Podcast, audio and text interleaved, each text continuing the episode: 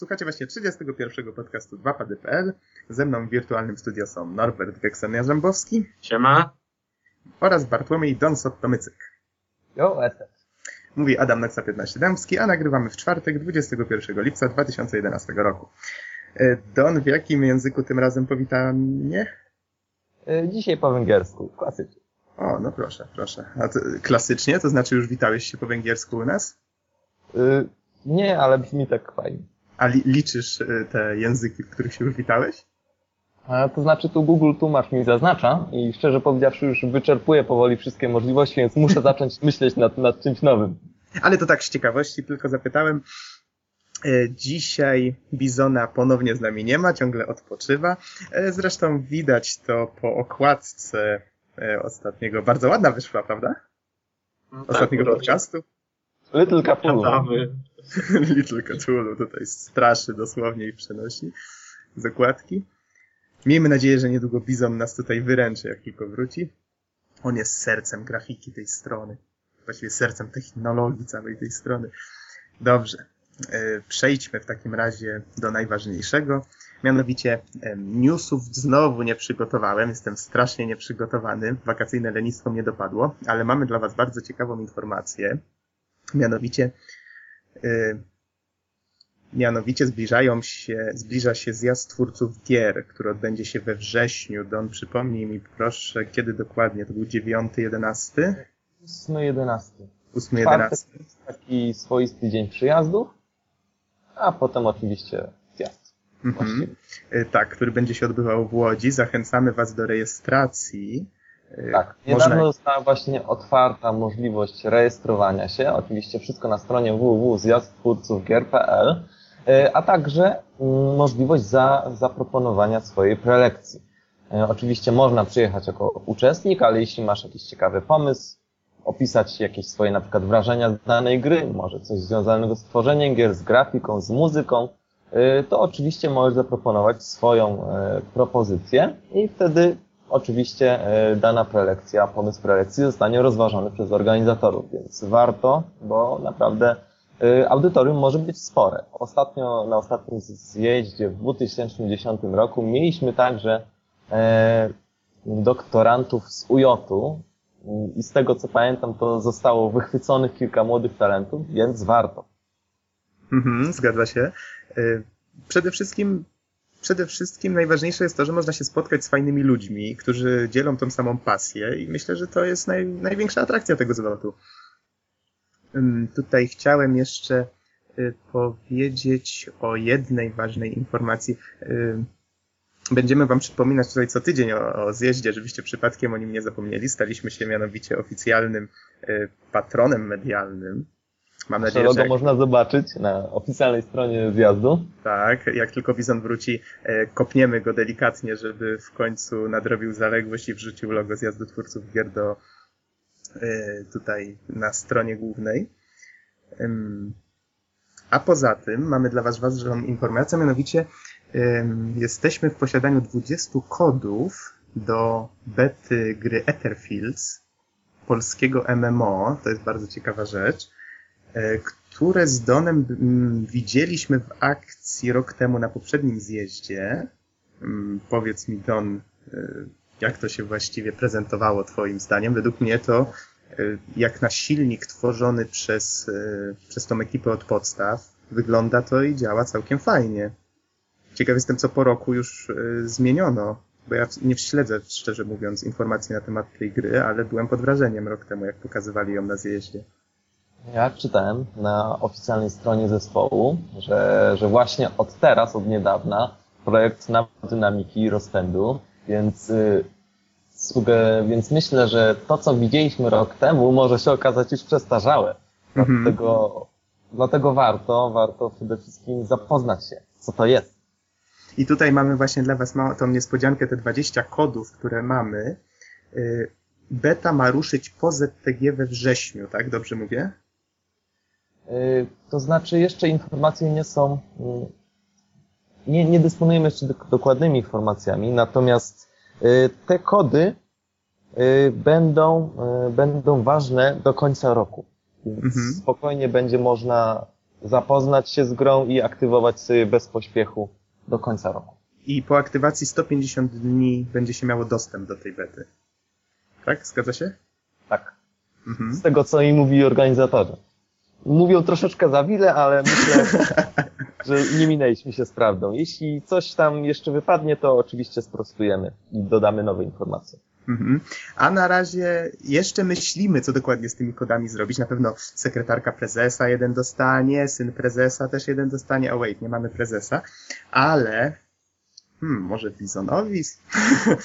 w każdym razie jeden z tych kodów na razie zaoferujemy um, jednej z osób, które napiszą komentarz pod obecnym podcastem, który teraz słuchacie.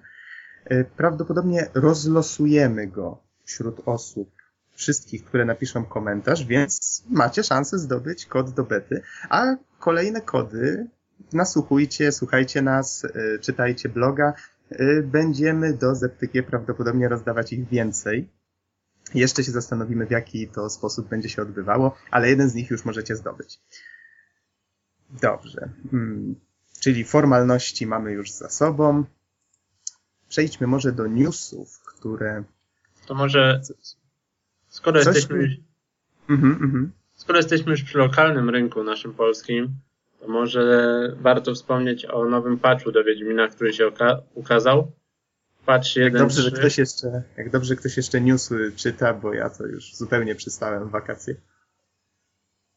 Niektórzy Sezon muszą siedzieć, nie dotarł. Niektórzy muszą siedzieć 8 godzin w pracy i mają czas na poranną prasówkę, nie? Jak e... dobrze, że są jeszcze takie osoby.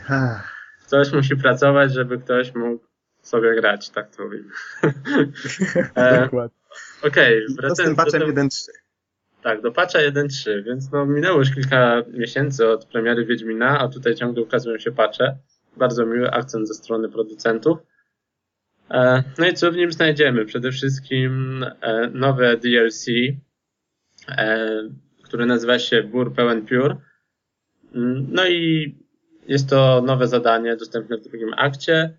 Oprócz tego obsługę monitorów innych formatach niż 16 na 9, coś na co ty Nox narzekałeś.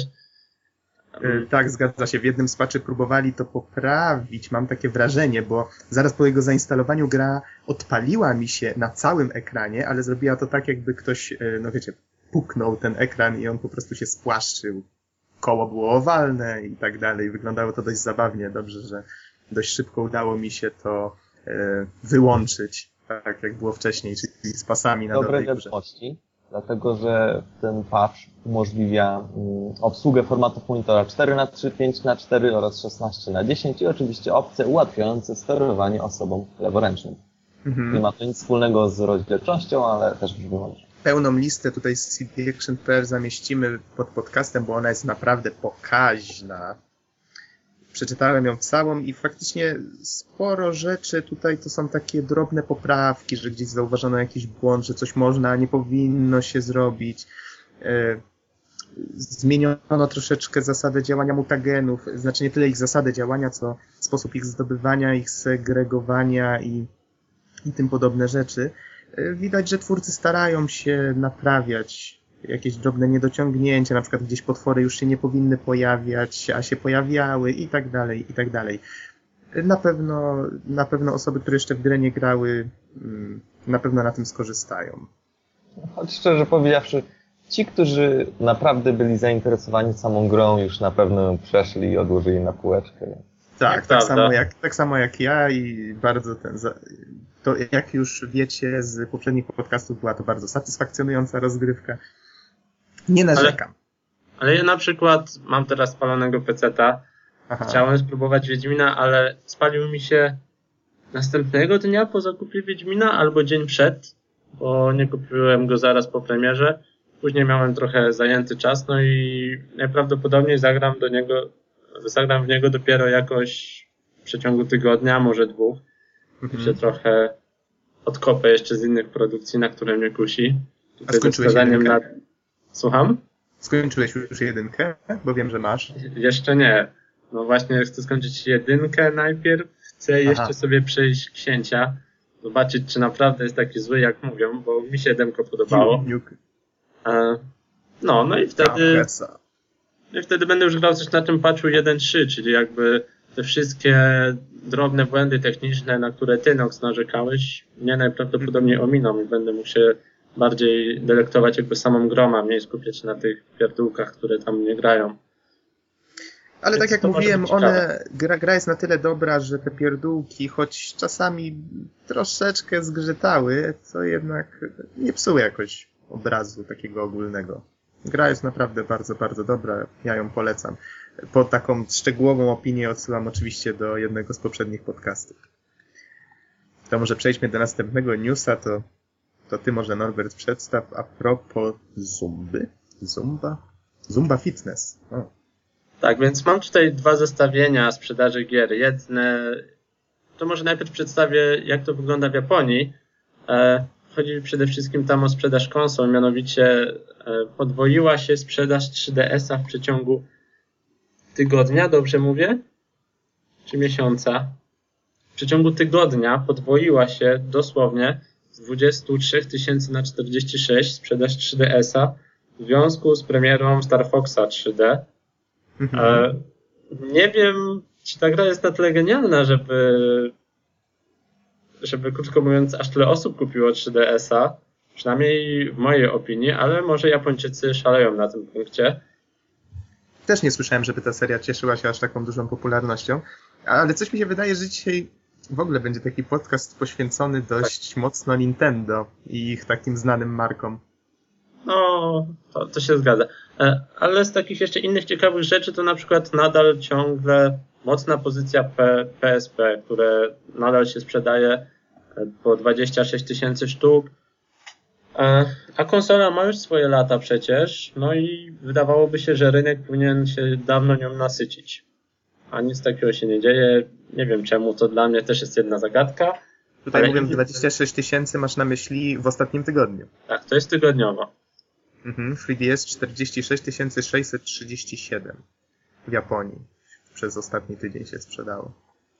Dokładnie. E, I kolejna zagadka to właśnie sprzedaż gier w Wielkiej Brytanii, gdzie najlepiej. Dokładnie. Od pięciu tygodni najlepiej ciągle sprzedaje się Zumba Fitness. Ja tego nie rozumiem, ale właśnie tutaj mamy chyba ten przełom, o którym wszyscy mówią, czyli że mm, no, branża gier staje się coraz bardziej casualowa i coraz więcej takich gier jednak będzie powstawać i musimy się na to przygotować i to. Ym, To znaczy przygotować. Ja bym to skomentował w ten sposób. Y, Gracze hardkorowi jakoś tak nie zastanawiają się nad tym, że liczba graczy hardkorowych niekoniecznie maleje, po prostu liczba graczy w ogóle rośnie. Po prostu dorzucani są, dorzucani są sobie w takim dużym cudzysłowiu, dochodzą do tej grupy ci casualowcy, którzy interesują się grami właśnie dlatego, że pojawiają się takie produkcje, które mogą ich zainteresować. Takie proste, niedzielne gierki. Tak a No, propos zasadzie to, powiedziałbym też, że duża część graczy casualowych to po prostu są osoby, które nudzą się w pracy, powiedzmy sobie to szczerze. Ja za każdym razem, kiedy idę do Carrefoura, mijam takie stanowisko i zawsze się obracam i jak nie widzę jakąś jedną gierkę casualową, to jakiegoś pasjansa, to Facebooka, jakieś tam jeszcze inne gierki, także te, i tego jest rozkwit. Ja mówię, że tego będzie jeszcze więcej. Bo, tylko Czyli bo mówisz, że o takich, nigdy nie jest za mało. mówisz o takich gierkach, które można łatwo grać na stanowisku pracy, czyli na przykład te facebookowe różne albo flashowe, tak? Dokładnie. Mhm. Ale w sumie to może być. To może być taki No, no, początek, że kontynuuj. ktoś zaczyna sobie, wiecie, grać najpierw na Facebooku, a później mówi, kurczę, fajnie się grało, to może sobie jakąś konsolę spróbuję, no i później właśnie taka zumba czy coś.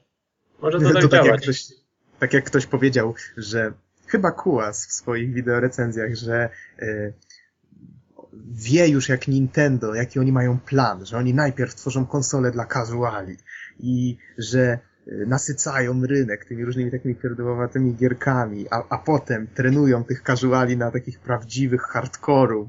To chyba było na przykładzie e, Super Mario nowego, że on taki trudny się robi w ostatnich poziomach i oni tak najpierw tych casuali tam chodźcie, chodźcie, macie tu takie piękne gierki, a potem one się robią takie trudne i oni się robią hardkorowi i wtedy można im sprzedawać gry dla hardkorowców, wiecie, taki cały... Globalny projekt szkolenia graczy. Tak. Ale to podobno wszy- większość gier Nintendo, tych platformowych, taka jest. Ja gdzieś słuchałem sobie recenzję kiedyś e, Donkey Konga, no i Mhm. tam podobno tak samo, że początek to przedszkolak może przejść, a końcówka to gracze, którzy siedzą w branży powiedzmy 20 lat i sobie grają, mają problemy. I Ale to jest bardzo dobre podejście, jeżeli to jest właśnie dobre balansowanie poziomu trudności. Mhm. Tak. A, propos, właśnie to- jest to, czego zabrakło w Wiedźminie dwójce. Tylko tym, w Super Mario Galaxy jest jeszcze jakby takie rozwiązanie ugodowe, gdyż nie musimy odwiedzić tych wszystkich planet, żeby ukończyć grę. Jakby Słyszałem, że w ogóle gra, gra może przejść nawet niektóre fragmenty za nas, tak słyszałem. Da A jest chyba jakiś taki system ułatwienia. Ja ostatnio zacząłem w to grać, ale no jeszcze nie skończyłem i nie grałem na tyle, żeby, żeby się wypowiadać. No i z tej opcji też nie korzystałem. Mhm. A skoro, Skoro jesteśmy... No właśnie, to może już powiedz, skoro chciałeś zacząć. No, skoro jesteśmy przy kontrolerach ruchowych i Wii, no to może byś Nox opisał takie swoje pierwsze wrażenia, jak, jak ci się spisuje to Wii. Tak, właśnie, bo jesteśmy i i Norbert niedawno stał się właścicielem Wii, ja od tygodnia. Y, Ja zdążyłem przejść przez ten tydzień jedną grę, z Metroid Prime, y, będący częścią Metroid Trilogy. Y, Oprócz tego, szczerze mówiąc, nie miałem czasu zbadać dokładnie możliwości tej konsoli, a sam Metroid Prime 1, o którym jeszcze będziemy dokładniej mówić, y, w, w tym podcaście jest grą na która została wydana w 2002 roku, więc on graficznych możliwości tej konsoli także mi nie pokazał dokładnie. W każdym razie wrażenia. Wra- Na pewno gra się bardzo przyjemnie. Ja już miałem takie, takie jakieś drobne spotkania z Wii na jakichś imprezach. Y, Tylko, że Wiadomo, zawsze to jest inaczej, jak się siądzie na własnej kanapie, z własnym sprzętem, na spokojnie człowiek sobie może pokontemplować z Willotem w ręku. Jakby to nie brzmiało. Willatorem. w każdym razie gra się bardzo przyjemnie. Y, Metroid Prime ma formę, formę, bo jest to platformówka, ale ma formę strzelanki, czyli widzimy wszystko z FTP, celujemy Willotem po ekranie. Y, I y, faktycznie było to dla mnie coś, coś, coś nowego, to może złe słowo, ale na pewno bardzo przyjemnie, jest to przyjemna, mm, przyjemne odstępstwo od reguły. Bo mimo wszystko ten kontroler ruchowy jest czymś takim, czymś nowym, do czego człowiek, jeżeli nie, nie miał z tym dłuższego kontaktu, zawsze jest dla niego to jakieś takie inne przeżycie. No jednak człowiek gra w gry już od kilkunastu lat. Dużo, dużo. I to zawsze takie nowe doznania to jest coś, coś fajnego. No właśnie, a może opowiesz nam coś o kontroli, na jakiej zasadzie to działa, no i najważniejsze pytanie, czy to jest wygodne w ogóle? Mhm. To może najpierw Norbert niech tutaj doda coś na temat konsoli. My tu jeszcze będziemy mówić w trakcie, myślę, o, wygodzie kontroli. A, w Bo, bo tak jak ja mówię, okej. ja korzystałem troszeczkę tylko y, na zasadzie tej jednej gry. Czyli jedyna, jeden konkretny sposób kontroli, bo mimo wszystko ten kontroler ruchowy pozwala na różne konfiguracje i różnymi grami w różny sposób się y, no, kontroluje. Jakby tutaj lepszego słowa mi brakuje w tej chwili. Okej, więc no ja akurat testowałem ich w przeróżnych warunkach. E, Pojechała ta konsola ze mną już na kilka imprez i tak dalej, więc całkiem fajnie się spisuje. Mm, Takie pierwsze spostrzeżenie moje, bo jestem graczem PC-towym i po prostu granie na padzie i celowanie przy pomocy analogów e, powoduje u mnie po prostu gorączkę, wysypkę i inne takie objawy. E, w przypadku Wii tego nie ma, bo mamy taki, po prostu celujemy sobie w monitor, nie mamy takiego sztucznego celowania, analogicznie troszkę jak myszką, e, tylko nawet wygodniej. Mm, Co jeszcze? Tutaj nie, tutaj nie byłbym taki pewien co do tej wygody. Przypomniałeś mi, że może ja nie mam jeszcze wytrenowanej ręki do tego kontrolera, czy co. W każdym razie trzymanie go w pozycji e, celującej w ekran, czyli no to tak w specyficzny sposób człowiek trzyma nadgarstek, e, przez kilka godzin dziennie, przez kilka dni pod rząd jednak e, troszeczkę sprawiało, że to ta, ta ręka trochę boli jednak. No niestety nie mam tyle czasu, żeby wiesz, po kilka godzin dziennie trenować i tak pod rząd. No ja No, wiem, ja to teraz zazwyczaj- muta mutację ręki przeprowadzam, żeby się dostosować do nowego środowiska. U mnie to zazwyczaj były sesje albo jakieś na imprezach, albo tak po dwie godzinki wieczorem. E, Ale to też nie, niekoniecznie codziennie. E, No ale na pewno jest bardziej intuicyjne niż w przypadku pada. Kiedy dasz komuś pada i każesz grać strzelankę, a dasz komuś kontroler Wii, od razu załapie.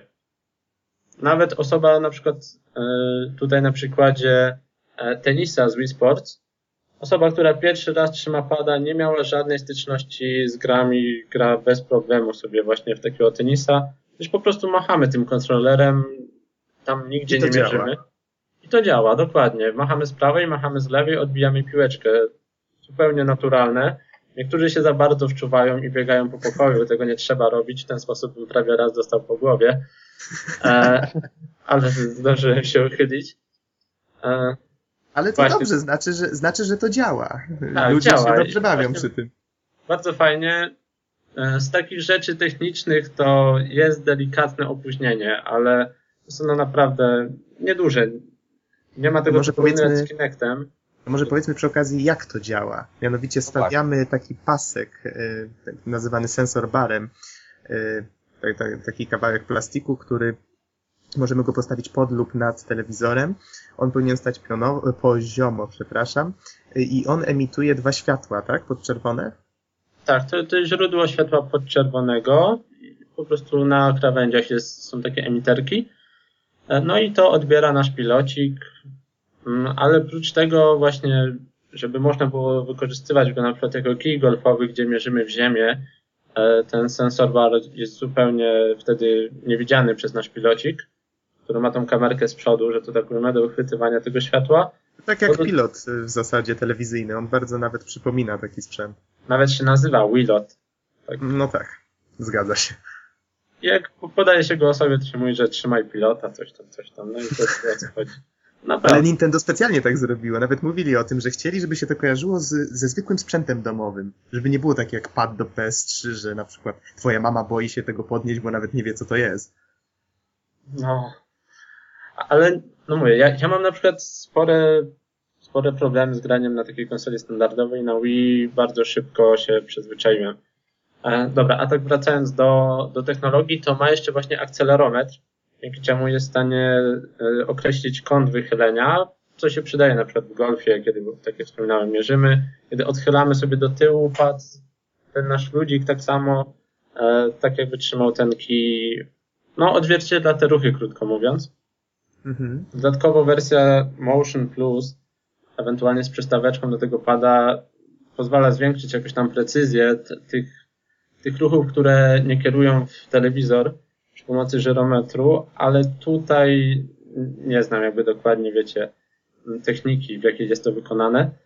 Z takich rzeczy, które można oszukiwać, e, to właśnie, że w tenisie nie musimy wykonać pełnego zamachu ręką, Wystarczy tylko delikatny ruch nadgarstkiem. E, I tutaj możemy jakby sobie oszukać, ewentualnie odpocząć. To, wymaga, to wynika chyba ze specyfikacji sprzętu, bo zwróćmy uwagę, ta konsola debiutowała w 2006 roku. Była pierwszym kontrolerem ruchowym na rynku, to warto zaznaczyć. Kolejne technologie są jakby, szczególnie Tak. jest dokładną kalką. Yy, tak, chociaż filmiki promujące, znaczy promujące, pokazujące prototypy Move'a pokazywały się chyba nawet wcześniej, więc mam wrażenie, że nad tymi dwoma technologiami pracowano niejako równolegle. No, Ale nie ukrywajmy, że tej- było pierwsze, tak dla, dla człowieka normalnego, nie? Tak, zgadza się, zgadza się. I jednak Nintendo, jakby na to nie patrzeć, y, zawsze jest do przodu z innowacją. I tak było właśnie w tym przypadku. Pamiętam, że wszyscy byli bardzo podekscytowani tym Wii. Y, Teraz już na E3 w tym roku, w czerwcu ogłoszono jego następcę, czyli Wii U, więc my tutaj tak dość późno zaczęliśmy się interesować tym sprzętem. Y, Do tej pory Bizon, Bizon trochę tutaj był naszym takim przedstawicielem e, Ni- Nintendo, teraz ty Norbert stałeś takim naszym głównym Nintendardem. Dziękuję. Naczelny Nintendard. Wiecie co, ja ten, ja w zasadzie oglądam tutaj taki film promocyjny mający na celu przedstawienie w jak najlepszym oczywiście świetle UI.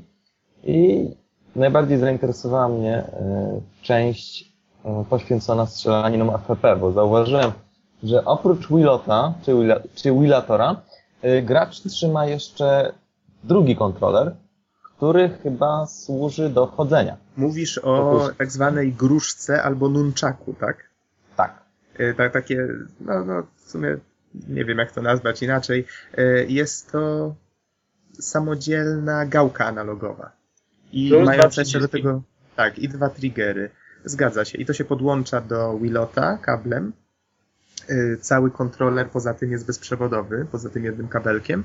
E, Ale warto zaznaczyć, że są też bezprzewodowe wersje tych e, no, łączaków. Aha, to o tym nie Tak. wiedziałem. Nieoficjalne, ale można bezprzewodowo załatwić. Mhm. W każdym razie, no na przykład w Metroidzie tak właśnie się kieruje, że poruszasz się nunchakiem, czyli chodzisz, strajfujesz, chodzisz przód, tył. Z I kolei, WSD standardowe. tak, takie WSD dokładnie, czy wsad, jak to niektórzy mówią.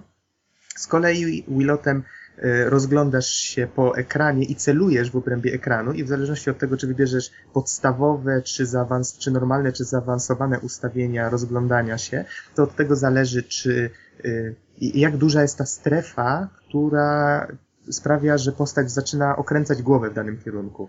Jeżeli weźmiesz Basic, to zazwyczaj strefa na górze i dole ekranu jest dużo mniejsza w Metroidzie i wtedy to sprawia, że praktycznie łatwo utrzymać pion. I nie ma takiego problemu, na przykład jak miał mój tata jeszcze parę lat temu, że w strzelankach bardzo często zdarzało mu się patrzeć w sufit albo w podłogę i nie miał jakiegoś takiego zorientowania w przestrzeni. Y, Tutaj widać, że o tym pomyślano. Na lewo i prawo na Basicu o wiele szybciej się rozgląda niż góra-dół. Właściwie ta góra-dół trochę tak jest zaklinowana, sz- prawie na sztywno, chyba że się mocniej spojrzy. Z kolei ja grałem na Advance i wtedy już byle małe wychylenie tego Willota w jakąś stronę sprawia, że można się rozglądać płynnie w każdym kierunku, więc pomyślano tutaj o każdym y, znaczy o graczach na różnym poziomie zaawansowania. To, to bardzo, od razu mi się rzuciło w oczy. Bardzo miłe to było. A tak jeszcze W konfiguracji. wracając do gruchy, ma ona dodatkowo akcelerometr. Tak samo jak Willot. E, Mhm. Nie jesteśmy w stanie nią celować, ale właśnie wykrywa te ruchy. E, wie, kiedy jest jakby zwrócona w górę, w dół, w lewo, w prawo. Na przykład w Call of Duty, żeby przeładować e, magazynek, no to potrząsamy gruchą. Nie naciskamy żadnego guzika, tylko sobie potrząsamy nią. No i już tam przeładowywuje koleś, taki fajny akcencik. E, Dodatkowo, na przykład w boksie mamy, wiadomo, dwie ręce, prawą, lewą. W jednej trzymamy Willota, w drugiej gruchę. No i w ten sposób jestem w stanie określić, czy uderzamy prawą, czy lewą ręką i dodatkowo w jaki sposób. E, Mhm. Jeszcze jeżeli chodzi o akcesoria, to e, jest jeszcze Wii Balance Board. O, tutaj trochę źle to wymawiam. Dobra, nieważne. Mm, W każdym razie, Balance board. Mhm. tak, jest to taka deska, e, głównie wykorzystywana do ćwiczeń, ewentualnie do jakichś takich mniejszych produkcji. Mm, Ona potrafi nas zważyć, ma wbudowaną wagę. Oprócz tego e, monitoruje nasze wychylenie w danym kierunku, co powoduje, że bardzo fajnie się gra na przykład w jazdę na snowboardzie e, albo w jazdę na deskorolce.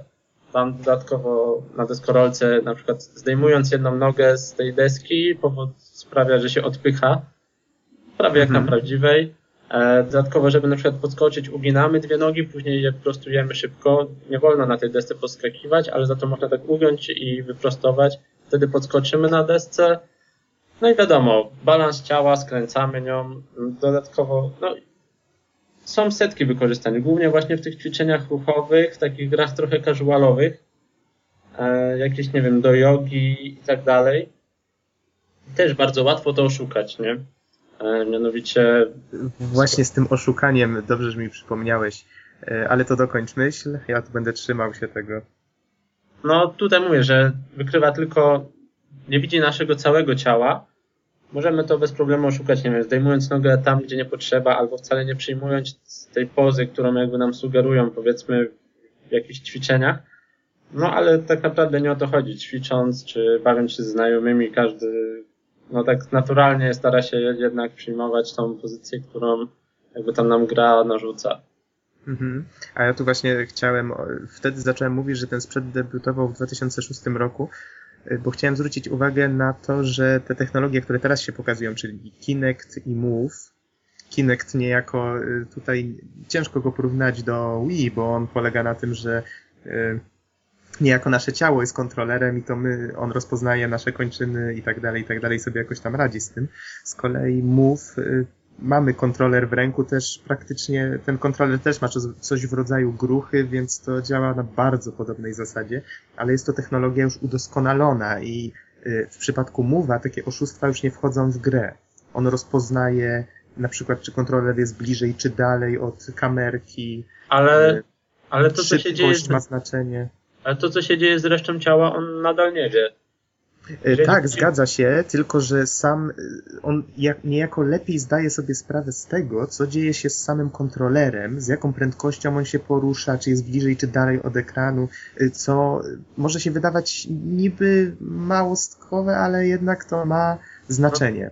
No, pewnie ma, tak ale mówisz, nie wątpię, że, Tak jak mówisz, że można grać w grę tutaj na przykład...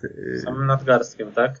Tak, samym nadgarstkiem. To widziałem taki filmik, w którym było leniwy, leniwy gracz na Wii i tam pokazują, że gra w tenisa.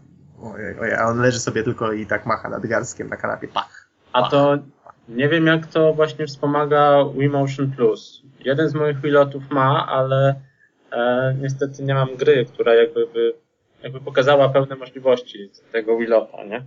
Problem jest taki, że ja to Wii Motion Plus mam, bo ja kupowałem sprzęt używany, mówiłem, że już odkupiłem go od Bizona i on już ma doczepiony ten Wii Motion Plus, e, tylko ja tak naprawdę poza tym, że słyszałem, że dzięki temu Wilot jest y, dokładniejszy, to ja, to ja nie wiem tak naprawdę, co on mi zmienił. Właśnie dlatego mówię, że moje doświadczenie z Wii jest jeszcze bardzo, bardzo y, nie wszystkie gry wspierają, głównie te najnowsze, gdyż samo Wii Motion Plus w 2009 się ukazało. E, tak a nie, tak, dobrze mówię. W czerwcu 2009 dopiero. Więc jakby mhm. tutaj ta, ta ilość tytułów jest znacznie mniejsza. To może wyjaśnię, to jest taka mała doczepka, którą się z jednej strony Willota doczepia i ona dodaje jakie opcje? Żyrometr. Aha. Czyli dokładniejsze jakby pozycjonowanie go w przestrzeni. Ale te, też ciężko mi powiedzieć, jak to dokładnie się przekłada na, na grę. A coś, coś. A, ale nie musi być to koniecznie doczepka, gdyż właśnie nowe Wiloty mają wbudowane. I mhm. są tych samych rozmiarów co stare i mają to już w sobie. To ja powiem tylko, że to, że to jest doczepka czy integralna część jakoś nie robi wielkiej różnicy. Dla mnie ten, ten pad, już tutaj powiem, ten Wilot y, i tak sprawiał wrażenie takiej jednej dużej całości, więc nie miałem wrażenia, że tam jest coś doczepione nie przeszkadzało mi to w żaden sposób. A ja bym jeszcze tak... Ja e... pytanie mhm. do Was. Cały czas oglądam te materiały i szczerze powiedziawszy zauważyłem, no powiedzmy tak, dwa rodzaje gier. Pierwszy rodzaj mm, to gra w stylu napompuj coś, przetnij coś, e, zagraj na, na perkusji i takie różne rzeczy. Natomiast, y, czy tam jak dyrygent, poruszaj rękoma, natomiast drugi rodzaj gier to właśnie takie poważniejsze, y, strzelanki i wszystkie tego innego rodzaju gry. I moje pytanie, jak wygląda sytuacja y, w Wii z grami? Czy są jakieś konkretne, fajne pozycje? Czy warto w ogóle zainwestować w tą konsolę, czy po prostu będziemy się nudzić? Mhm. To może skoro mówisz o inwestycji, to od razu powiedzmy o cenie. Ona niedawno staniała, do niedawna kosztowała tysiąc chyba coś złotych. W tej chwili nie, można ją kupić nie? Jakoś, jakoś taniej, no, ale w każdym razie w tym momencie za, za 600 zł można ją kupić. tak, zgadza się. Ze sklepu i to wiesz, nie musisz szukać, nie to, że to jest jakaś najniższa cena, tylko taka jest cena jakby w Polsce. Z grami jest trochę gorzej, bo Nintendo dopiero od niedawna zaczęło się promować. Yy, przynajmniej takie mam wrażenie, że, że z grami ale... jest jeszcze licho. Nie wiem, ja akurat kupuję głównie używki, nie? No to mhm jest jednak ten rynek wtórny, jeżeli się zajrzy na Allegro, nie ma problemu z tym jakby topowymi grami. A topowe są oczywiście produkcje Nintendo w tym przypadku. Nintendo tak. dość, dość dużo wypuściło bardzo dobrych gier na Wii i niestety problem z grami na Wii jest taki, że one no właśnie brakuje jakichś takich y, killerów y, nie dostarczonych przez Nintendo. Są różne dobre gry oczywiście. Nintendo wypuściło, tutaj mówię, mówiłem właśnie Metroid, mamy y, Mario w różnych odmianach, mamy Wario oczywiście, y, mamy Donkey Konga, czyli głównie platformówki, Metroid to właśnie jest taka też platformówka 3D, tylko że to jest też taka trochę strzelanka, o tym jeszcze opowiem. Mamy różne minigierki, na przykład w WarioWare, to jest cały zbiór takich minigierek, które wykorzystują tego Willota w różny zabawny sposób i można się na imprezach w ten sposób bawić, bardzo, bardzo fajnie. E, z kolei takie gry, które mi przychodzą na myśl od innych deweloperów, na przykład wyszedł na Wii Silent Hill Shattered Memories, ale. Słyszałem, że jest całkiem niezły. Warto zaznaczyć, że wychodzą też normalne gry, takie jak, nie wiem, jak Prince of Persia, jak Call of Duty, tylko zdecydowanie lepiej wybrać PC-ta czy jakąś e, inną konsolę, gdyż Wii ma słabą grafikę. Jeżeli chcecie kupić Wii dla grafiki, to zdecydowanie nie ta konsola. E, Wii to, to jest troszkę inne doznanie.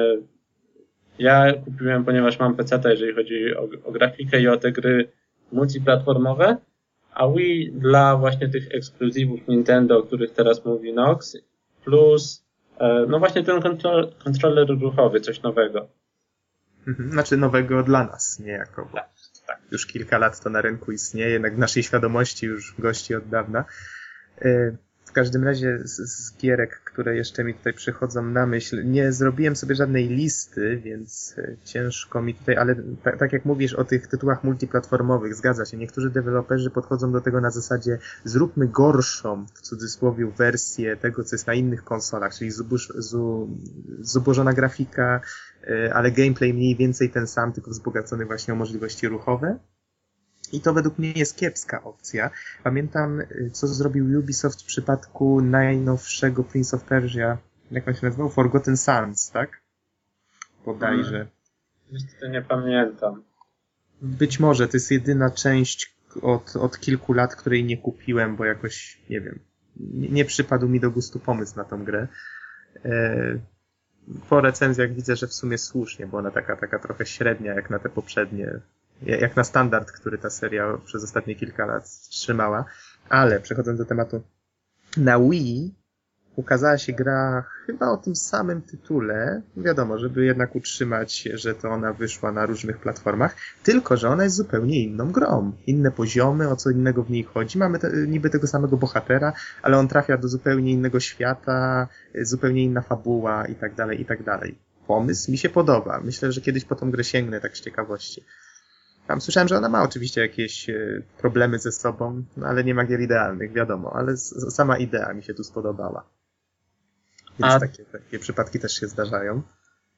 A wracając do tych tytułów jakby ekskluzywnych, no to Mad World, czyli taka specyficzna gra w dwóch, trzech kolorach, czarny, biały, czerwony.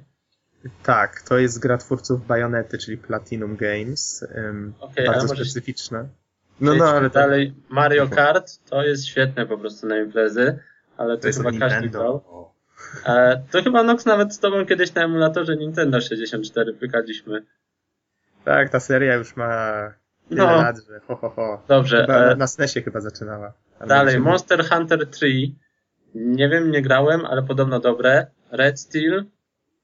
E, Resident Evil 4 Wii Edition. Tutaj właśnie zacząłem sobie grać na Wii bo na PC podejrzewam, żebym nie strawił niestety tak starej gry. Na dodatek piątki nie mogłem strawić, więc ciężko ze względu na sterowanie. E, Super Mario Galaxy Tatsunoko vs Capcom, czyli całkiem fajna bijatyka. bijatyka. Tutaj warto zaznaczyć, że właśnie w bijatykach, w takich grach starych, Willota trzymamy bokiem. E, no i wtedy mamy ten krzyżak, po prawo mamy dwa przyciski, po lewo mamy dodatkowo no, kolejne dwa. Mm, jest właśnie mniej niż na zwykłym padzie, ale powiem wam, że nawet najpierw to Tatsunoko vs Capcom mnie trochę odrzuciło, a później troszkę tak imprezowo i na imprezy się sprawdza. Nawet później mm. troszkę sam pograłem i jednak ten system walki nie jest taki zły, jak najpierw myślałem. E, no, Legend of Zelda to chyba każdy zna. The Twilight Princess, tak? E, tak, niedługo wyjdzie właśnie Skyward Sword. Więc tutaj e, może jeden z argumentów, dla których warto kupić Wii pod koniec jego życia, żeby nadrobić te, te jakby ekskluzywy i nową Zeldę. E, House of the Dead mm, Overkill. Miałem to- okazję, miałem okazję w to zagrać. E, To jest celowniczek. Kamera się sama rusza, my tylko celujemy po ekranie i strzelamy do zombiaków. Wszystko w takim bardzo e, kiczowatym, ale specjalnie kiczowatym sosie. Tak, Specyficzny ale humor. A teraz to właśnie przerabiają na Move'a, podobnie jak przerobili swojego czasu Dead Space Extraction, które też wyszło tylko na Wii. Mhm. E, I Inne sprzedało się tytuły, ponoć fatalnie. inne tytuły to Endless Ocean 2, też nie wiem o co w tej grze chodzi, ale podobno fajne. Metal Slug Anthology, czyli wszystkie wersje Metal Sluga. Właśnie. O, orgazm. No i jest nieskończona Jak liczba kontynuacji. Nie musisz rzucać pieniążka jak kiedyś na automatach.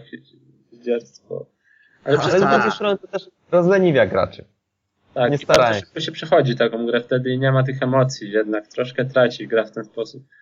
Tylko trzy pierwsze części były warte uwagi. Tutaj jest No dobra, 6 albo 7. Powiedzieliśmy już sobie sporo o grach. Mam jedno pytanie, dlatego że e, tak sobie oglądam cały czas e, różne relacje z gier i tak dalej i widzę, że tym Wilotem trzeba nieraz całkiem wymyślnie operować. Więc rozumiem, że na przykład przed taką grą, która próbuje wykorzystywać ten kontroler w jakiś nietypowy sposób, jest jakaś instrukcja na ekranie, tak? Jakiś trening bardziej, czy, Tak, czy tak, prostu oczywiście. stają, że... Zawsze. Na przykład w, w, zawsze, zawsze Nintendo w swoich grach zawsze o to dba. W WiiWare na przykład jesteśmy zawsze, kiedy pojawia się jakaś nowa konfiguracja, której musimy używać Wilota, tam jest mnóstwo tego. Na przykład raz trzymaj go pionowo i tam coś innego rób, innym razem trzymaj go poziomo i trzymaj ręce w ten sposób i oni zawsze tłumaczą, jak to się robi. Tak, no właśnie widziałem już strzelanie z łuku, wiosłowanie, walkę mieczem, golf, tak, tak dokładnie. także... E, Ale panowie, tutaj chciałem jeszcze o tym Madworldzie powiedzieć chwilkę. E, To jest właśnie taki ciekawy przykład gier cholernie brutalnych, co jest dziwną rzeczą na Wii, bo on niestety wyrobił sobie taką e, raczej wyrobił sobie raczej taką Rodzinną. renomę. Tak, tak. Dokładnie. Rodzi- I rodzinną renomę. A na przykład ten Mad World to gra typowo polegająca na uśmiercaniu wszystkiego, co się rusza i tam kolor czerwony na tle tego białego i czarnego, bo cała grafika jest tylko taka komiksowo czarno-biała. Ten kolor czerwony tam dominuje. E, Więc to jest taka gra, która się wybija, ale takie gry raczej sukcesu dużego na Wii nie odnosiły. Przykładem jest e, właśnie ten Dead Space Extraction, który, który wspomniałeś. Słyszałem, że gra się fatalnie sprzedała, to jest typowy horror. Celowniczek też, co prawda. No ale to tak tylko jako ciekawostkę już rzuciłem. Bo panowie, czas nas goni, a my tu jeszcze mamy dwie gry do obgadania. O Metroidzie Ja jeszcze nieco tak- powiedziałem. Ja bym jeszcze tak tylko wspomniał o tym, że ta deska plus piloty e, całkiem fajnie się sprawdzają, żeby czasem na wieczór zamiast posiedzieć i- leniwie pograć, żeby jednak nas zmusić do tego, żebyśmy wstali, trochę się poruszali. Siłowni, jeżeli chodzi o takie budowanie masy i, i siły mięśni, to wam raczej nie zastąpi, e, ale za to na pewno ćwiczenia ruchowe i ewentualnie, żeby trochę tłuszczyku spalić, naprawdę może dać niezłego kopa, bo też mam EA Active i właśnie Wii Fit Plus, te dwie gierki. Namów swoją kobietę już dziś. Słucham? Namów swoją kobietę już dziś do zrzucania pana trochę tłuszczyku. Ja, ja sam przy tym czasem, wiesz, bo jest na przykład box. Ale mimo wszystko-. Ale mimo wszystko hardkorowy koksu not approved, tak? No nie, nie, no bo macie głównie ruch, ciężko tam jakieś handle czy jakieś obciążenie przyczepić. Mhm. Jest do, Jednak macha się w ręku czymś, co jest prawie bezwładne, tak w cudzysłowie. właśnie do tego EA Active dołączona jest taka opaska, która jakby, wiesz, tworzy ci naciąg. E, żeby było trochę ciężej, no ale wiesz, no ja akurat ćwiczyłem, ćwiczę na co dzień troszkę i no zdecydowanie handlę lepiej, ale może za to nauczyć techniki, może jakby pokazać, jakie rzeczy można zrobić, kiedy później weźmiecie handlę na siłowni albo coś takiego, więc pod tym względem może być jeszcze dobre. Ale żeby przy samym Wii zbudować jakąś genialną sylwetkę, no chyba, że, że taką ruch. Chodzi mi, że mięśni na tych dużych nie zbudujecie, ale takie ruchowe, zgubić tłuszczyk jak najbardziej approved.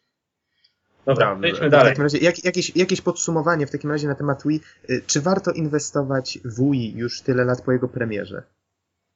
jeżeli ktoś jest właśnie kolekcjonerem, ostatnia chwila, bardzo dobra, e, wszystkie akcesoria będą jakby kompatybilne z Wii U i wszystkie gry będą chodzić na Wii U z Wii, więc jeżeli planujecie zakup nowej konsoli, to za to 6 stówek może warto. No tutaj pozostawiam jednak do decyzji. Nie wspomnieliśmy jeszcze o jednej ważnej rzeczy. Wii ma wsteczną kompatybilność z GameCube'em, którego na pewno już trochę ciężej dostać. No, Więc gry działają, karty pamięci, pady. To tak, a głównym argumentem, który jakby nie przemawia za Wii, e, to zdecydowanie grafika, bo tutaj odstaje poziomem od współczesnych konsol w stylu PlayStation i Xbox. O Mhm. PC już nawet nie wspomnę. No jednak rozdzielczość jest dość niska, ciężko tam o jakieś takie wiecie, fajniejsze efekty. No, no tutaj nie ma co coś ciemniać, no grafika po prostu jest słaba. Ale jesteś zadowolony z zakupu. Jak najbardziej, ja tak. Ja również, ja również. Więc my polecamy, a tymczasem przejdźmy na moment, jeszcze wrócimy do tego Metroida. Y, Przejdźmy do, myślę, tutaj bardzo ważnego tematu, bo gierka jest jeszcze całkiem świeża, ale też Nintendo.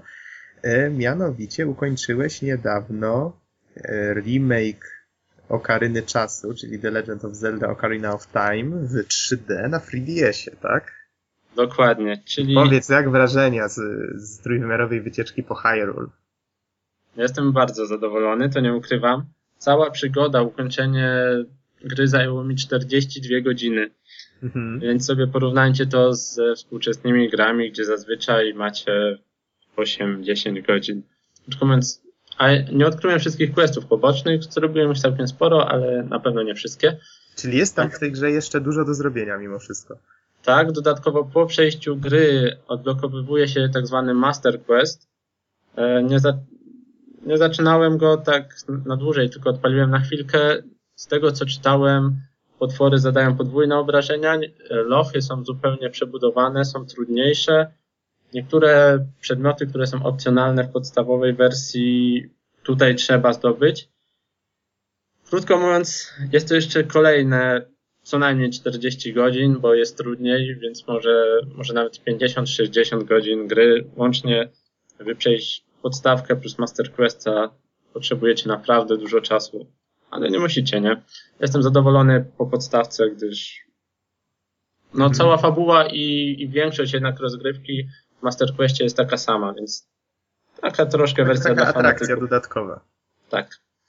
E, no dobrze, Powiedz no. jak sama gra, bo to mimo wszystko jest remake gry, która wyszła, żeby tu nie skłamać, to nawet spojrzę na, spojrzę na ściągawkę, y, 98 rok. 21 listopada, dokładnie, tak? Kawał czasu temu. y, Wiadomo, Nintendo stawia na grywalność przede wszystkim i na gameplay, więc to są rzeczy, które się nigdy nie starzeją.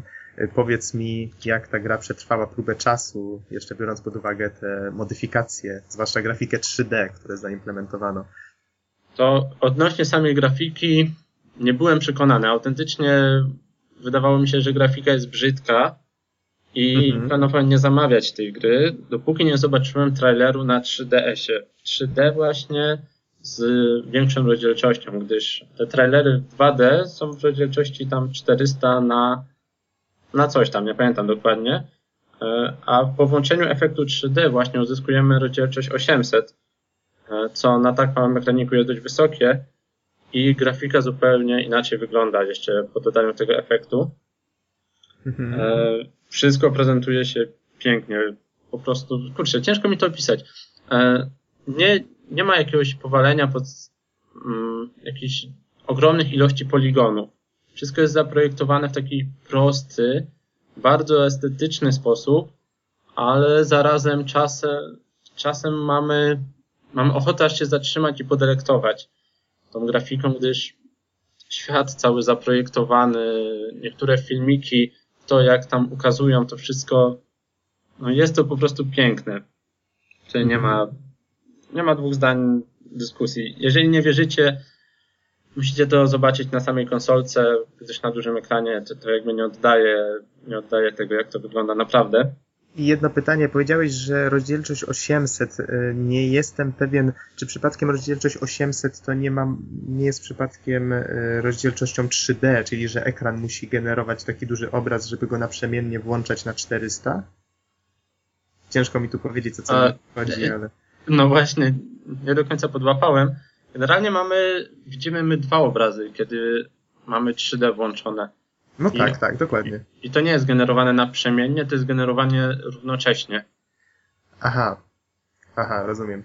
Y, czyli widzimy niejako, gdyby sumować te piksele, to jest ich 800 w poziomie, tak? O Tak, w poziomie jest ich 800. No to dokładnie o to samo mi chodziło.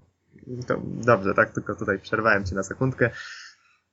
Y, Powiedz Okej. może tak osobom, które nie grały w Zeldę. Y, O co No tam właśnie, chodzi? ja nie grałem. No właśnie, Don nie grał. O. E, Okej, więc Zelda to taki po trochu RPG, po troszku, ale w bardzo małym stopniu platformówka, e, no i w dużym stopniu gra logiczna.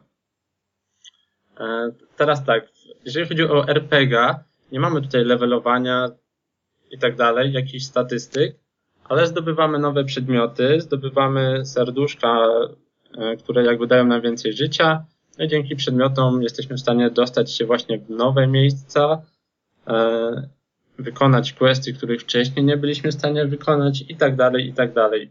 Więc mamy w ten sposób zrealizowany rozwój postaci troszkę inaczej.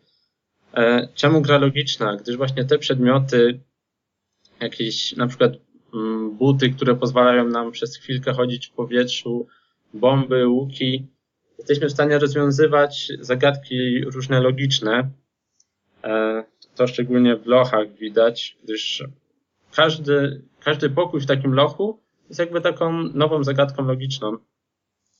Mm, Ciężko mi to porównać. Troszkę jak do portala, tylko że mamy tutaj znacznie więcej opcji, bo możemy użyć większej ilości przedmiotów. Czasem musimy właśnie trafić w jakieś oczko, które jest gdzieś ukryte. Trzeba bardzo, bardzo bacznie tutaj wszystko obserwować. E, Jak Czasem rozumiem- musimy coś wysadzić, czasem zobaczyć e, przy pomocy specjalnej lupki, która na przykład pokazuje rzeczy niewidoczne, więc kombinowania jest dużo.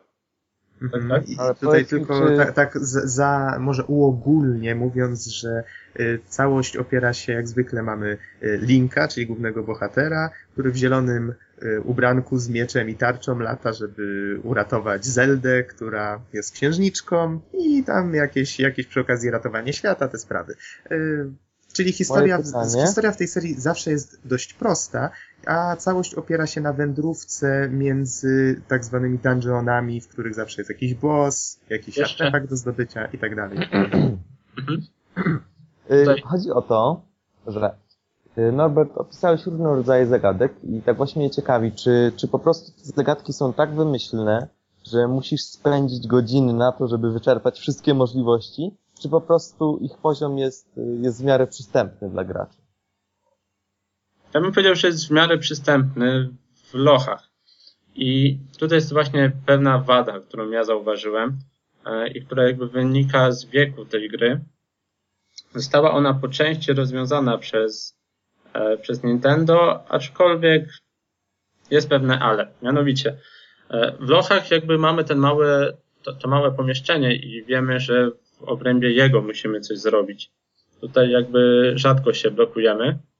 E, ale czasem jest problem dotrzeć do tego lochu, e, ponieważ mm, nie mamy jakby jakiegoś dziennika questów, nie mamy wskaźnika, który by nam dokładnie pokazywał i idź dokładnie tam. E, I czasem ciężko samemu coś wyklimić. Biegamy po całym świecie, nie wiemy gdzie pójść. Właśnie tutaj została do, dodana rzecz, której nie było w oryginale. E, Mamy taki specjalny kamień, który jest nam w stanie pokazać przyszłość, jak to zostało ujęte. Czyli właśnie taki troszkę spoiler, tylko nie ma tam żadnych fragment, fragmentów, wiecie, fabuły.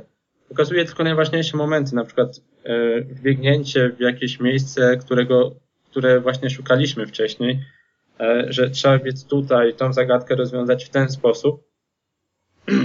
Więc to zostało rozwiązane, aczkolwiek no, nie jest to takie wygodne i tutaj czasem to boli, szczególnie jeżeli nie chcemy korzystać z tego kamienia, bo nam duma gracza, wiecie, zabrania, to A to w przypadku Metroida też wam opowiem o czymś bardzo podobnym.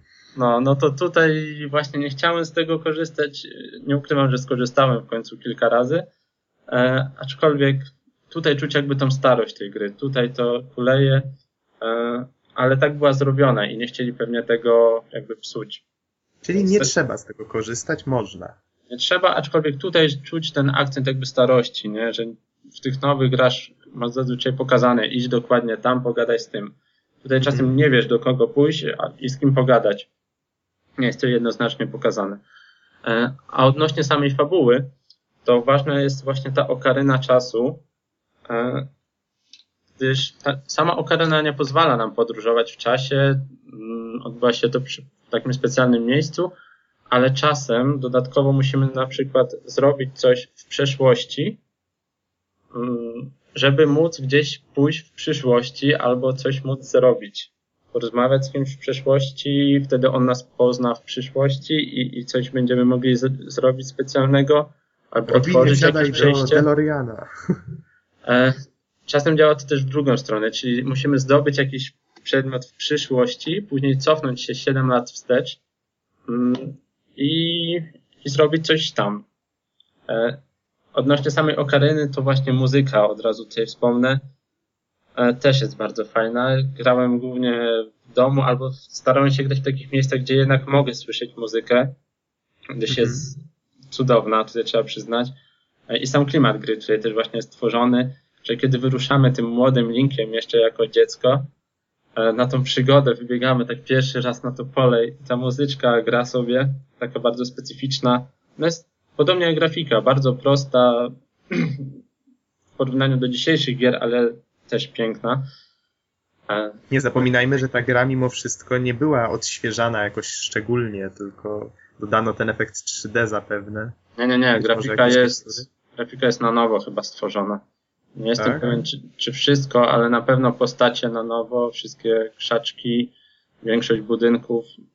Nie grałem aż A, tyle ale w oryginał. pamiętam, że pamiętam, że redaktorzy Game Trailers na przykład w swojej recenzji zwrócili uwagę na to, że muzyka ma w sobie właśnie sporo takiej oldschoolowej magii, ale w napisach końcowych na przykład gra jakiś taki pełen y, instrumentalny utwór. Y, I właśnie, jak oni to stwierdzili, widać dzięki temu, że konsola ma miejsce na, na dalszy rozwój właśnie y, oprawy audiowizualnej. Mhm, Ale że, jednak że to, co pokazuje ta gra, to jest oczywiście tylko, wiecie, taki oldschoolowy, oldschoolowa zapowiedź tego, co jeszcze może nadejść. tak, a, ale wracając do tego klimatu, że faktycznie czujemy ten klimat przygody, ja z takim uśmiechem, wiecie, bo fabuła jest taka troszkę na, naiwna. Nie ukrywajmy, że zły koleś porywa księżniczkę, ale zarazem najpierw jako ten mały link czujemy, że ruszamy na taką przygodę, nie? Taką wow.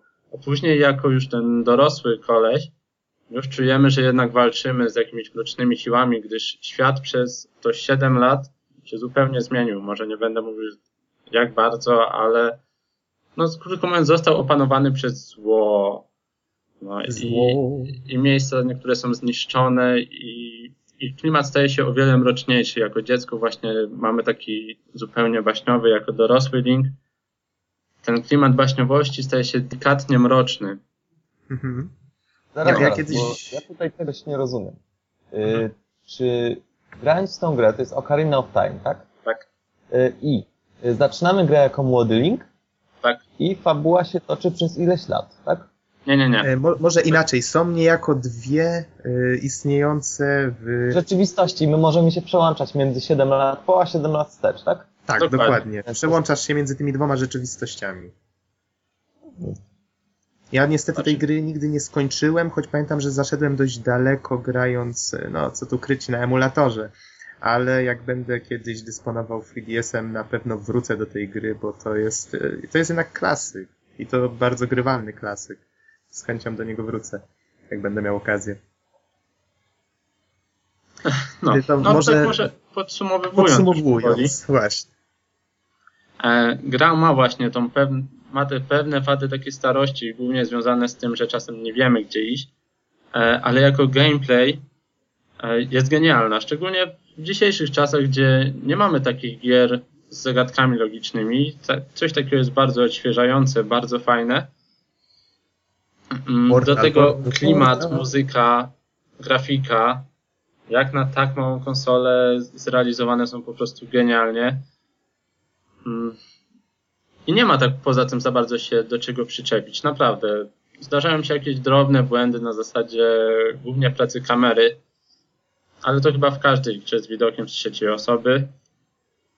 Coś takiego występuje.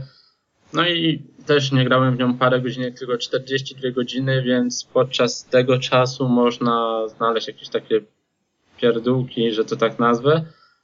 Ale zdecydowanie gra godna polecenia. Ja bym jej wystawił coś tak 8 z plusem. Mhm, na 10, Może. tak? Tak, na 10. E, Może to troszkę- takie pytanie retoryczne zadam. Jeżeli jesteście właścicielem 3DS-a, e, rozumiem, że tą grę trzeba kupić. Tak, must have. Choć jak tak A sobie myślę, jeżeli w się porównaniu- nie ma 3DS-a, to czy warto dla niej kupić tą konsolę? Dla jednej gry nie wiem, to już decyzja jakby wiesz indywidualna, jak to tam mm, cenię sobie pieniądze. Choć teraz sobie pomyślałem, że skoro Dead or, Dead or Alive wystawiłem dziewiątkę, to jednak tam, tamtej grze powinienem zaniżyć albo tej podwyższyć. Gdyż no, to, to jest jednak fajniejsza gierka, zdecydowanie. Pom- Pomińmy, pomińmy skalę ocen, y, po prostu y, to są zupełnie inne klimaty i jednak, tak jak No tak. mówisz, Gra Mhm. jest genialna, no co by tu nie mówić. No, ma te, te wady, za które jednak powinienem jej obniżyć ocenę i czasem mnie irytowało to bieganie po świecie, ale może dlatego, że ja byłem uparty i nie chciałem zajrzeć do tego kamienia przepowiadającego przyszłość. E, A poza tym naprawdę bardzo, bardzo fajna, genialnie zrealizowana gra.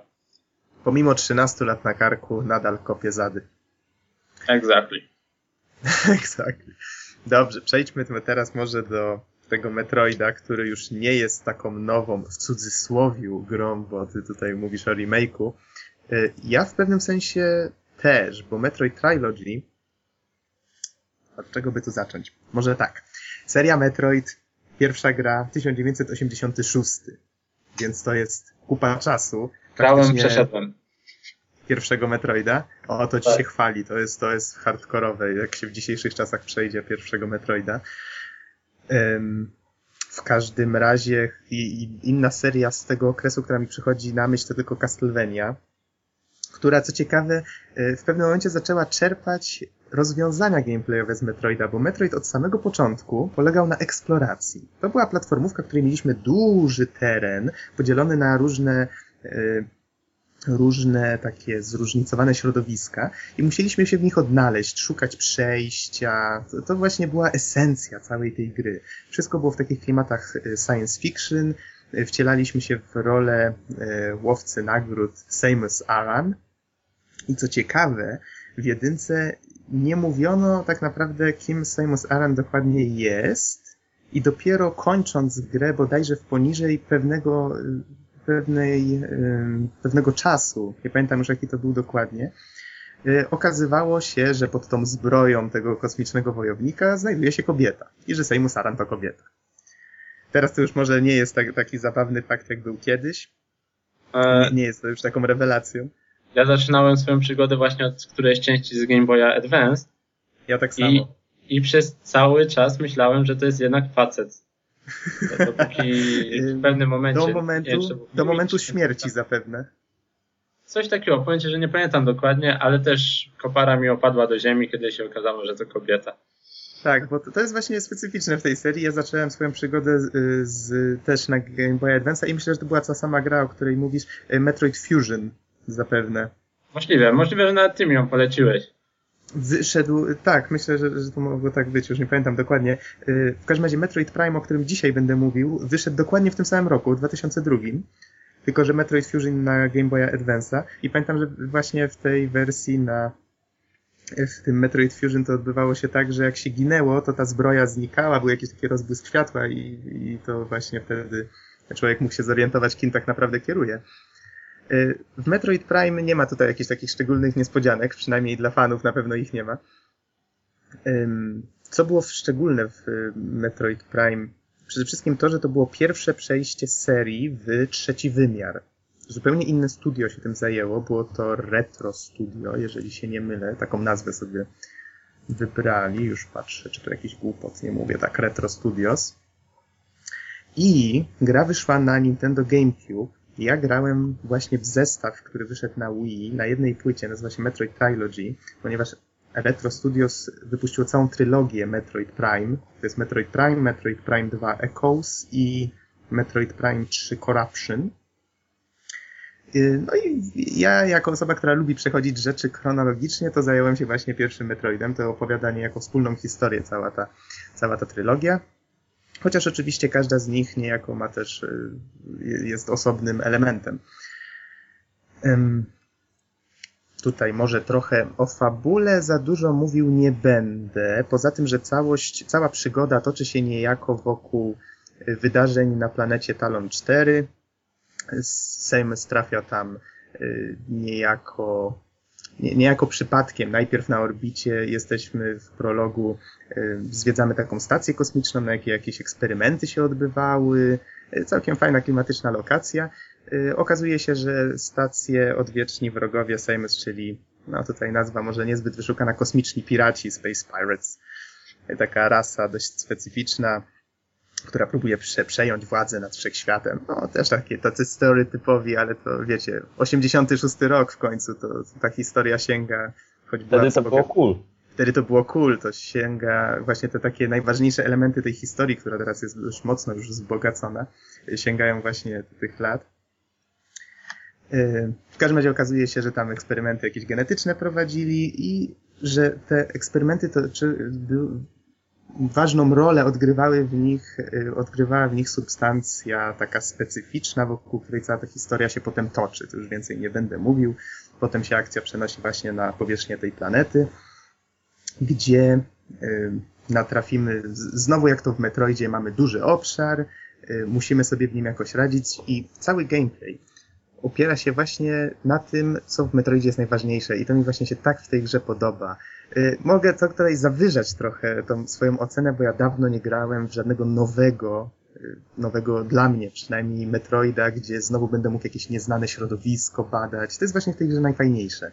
Y, chodzimy, zdobywamy nowe umiejętności, które otwierają nam drogę do kolejnych miejsc. Tam szukamy miejsca, gdzie możemy ich wykorzystać, właśnie tych umiejętności, żeby zdobyć kolejną umiejętność, która otwiera nam znowu kolejne obszary i te obszary się tak powiększają, powiększają i tym więcej zdobywamy tych nowych umiejętności, czy na przykład zamiana w kulkę Wiem, że to brzmi śmiesznie, ale y, twórcy też tutaj w pewnym momencie żartują, jak e, Spice, znaczy ci pira kosmiczni piraci próbują odwzorować technologię tego kombinezonu, w którym Sejmus się porusza i, i, i, można odczytać dziennik, w którym jest napisane, że y, eksperymenty związane z zamianą w kulkę skończyły się połamaniem kilku tam obiektów testowych, coś w tym rodzaju i zawieszono te testy.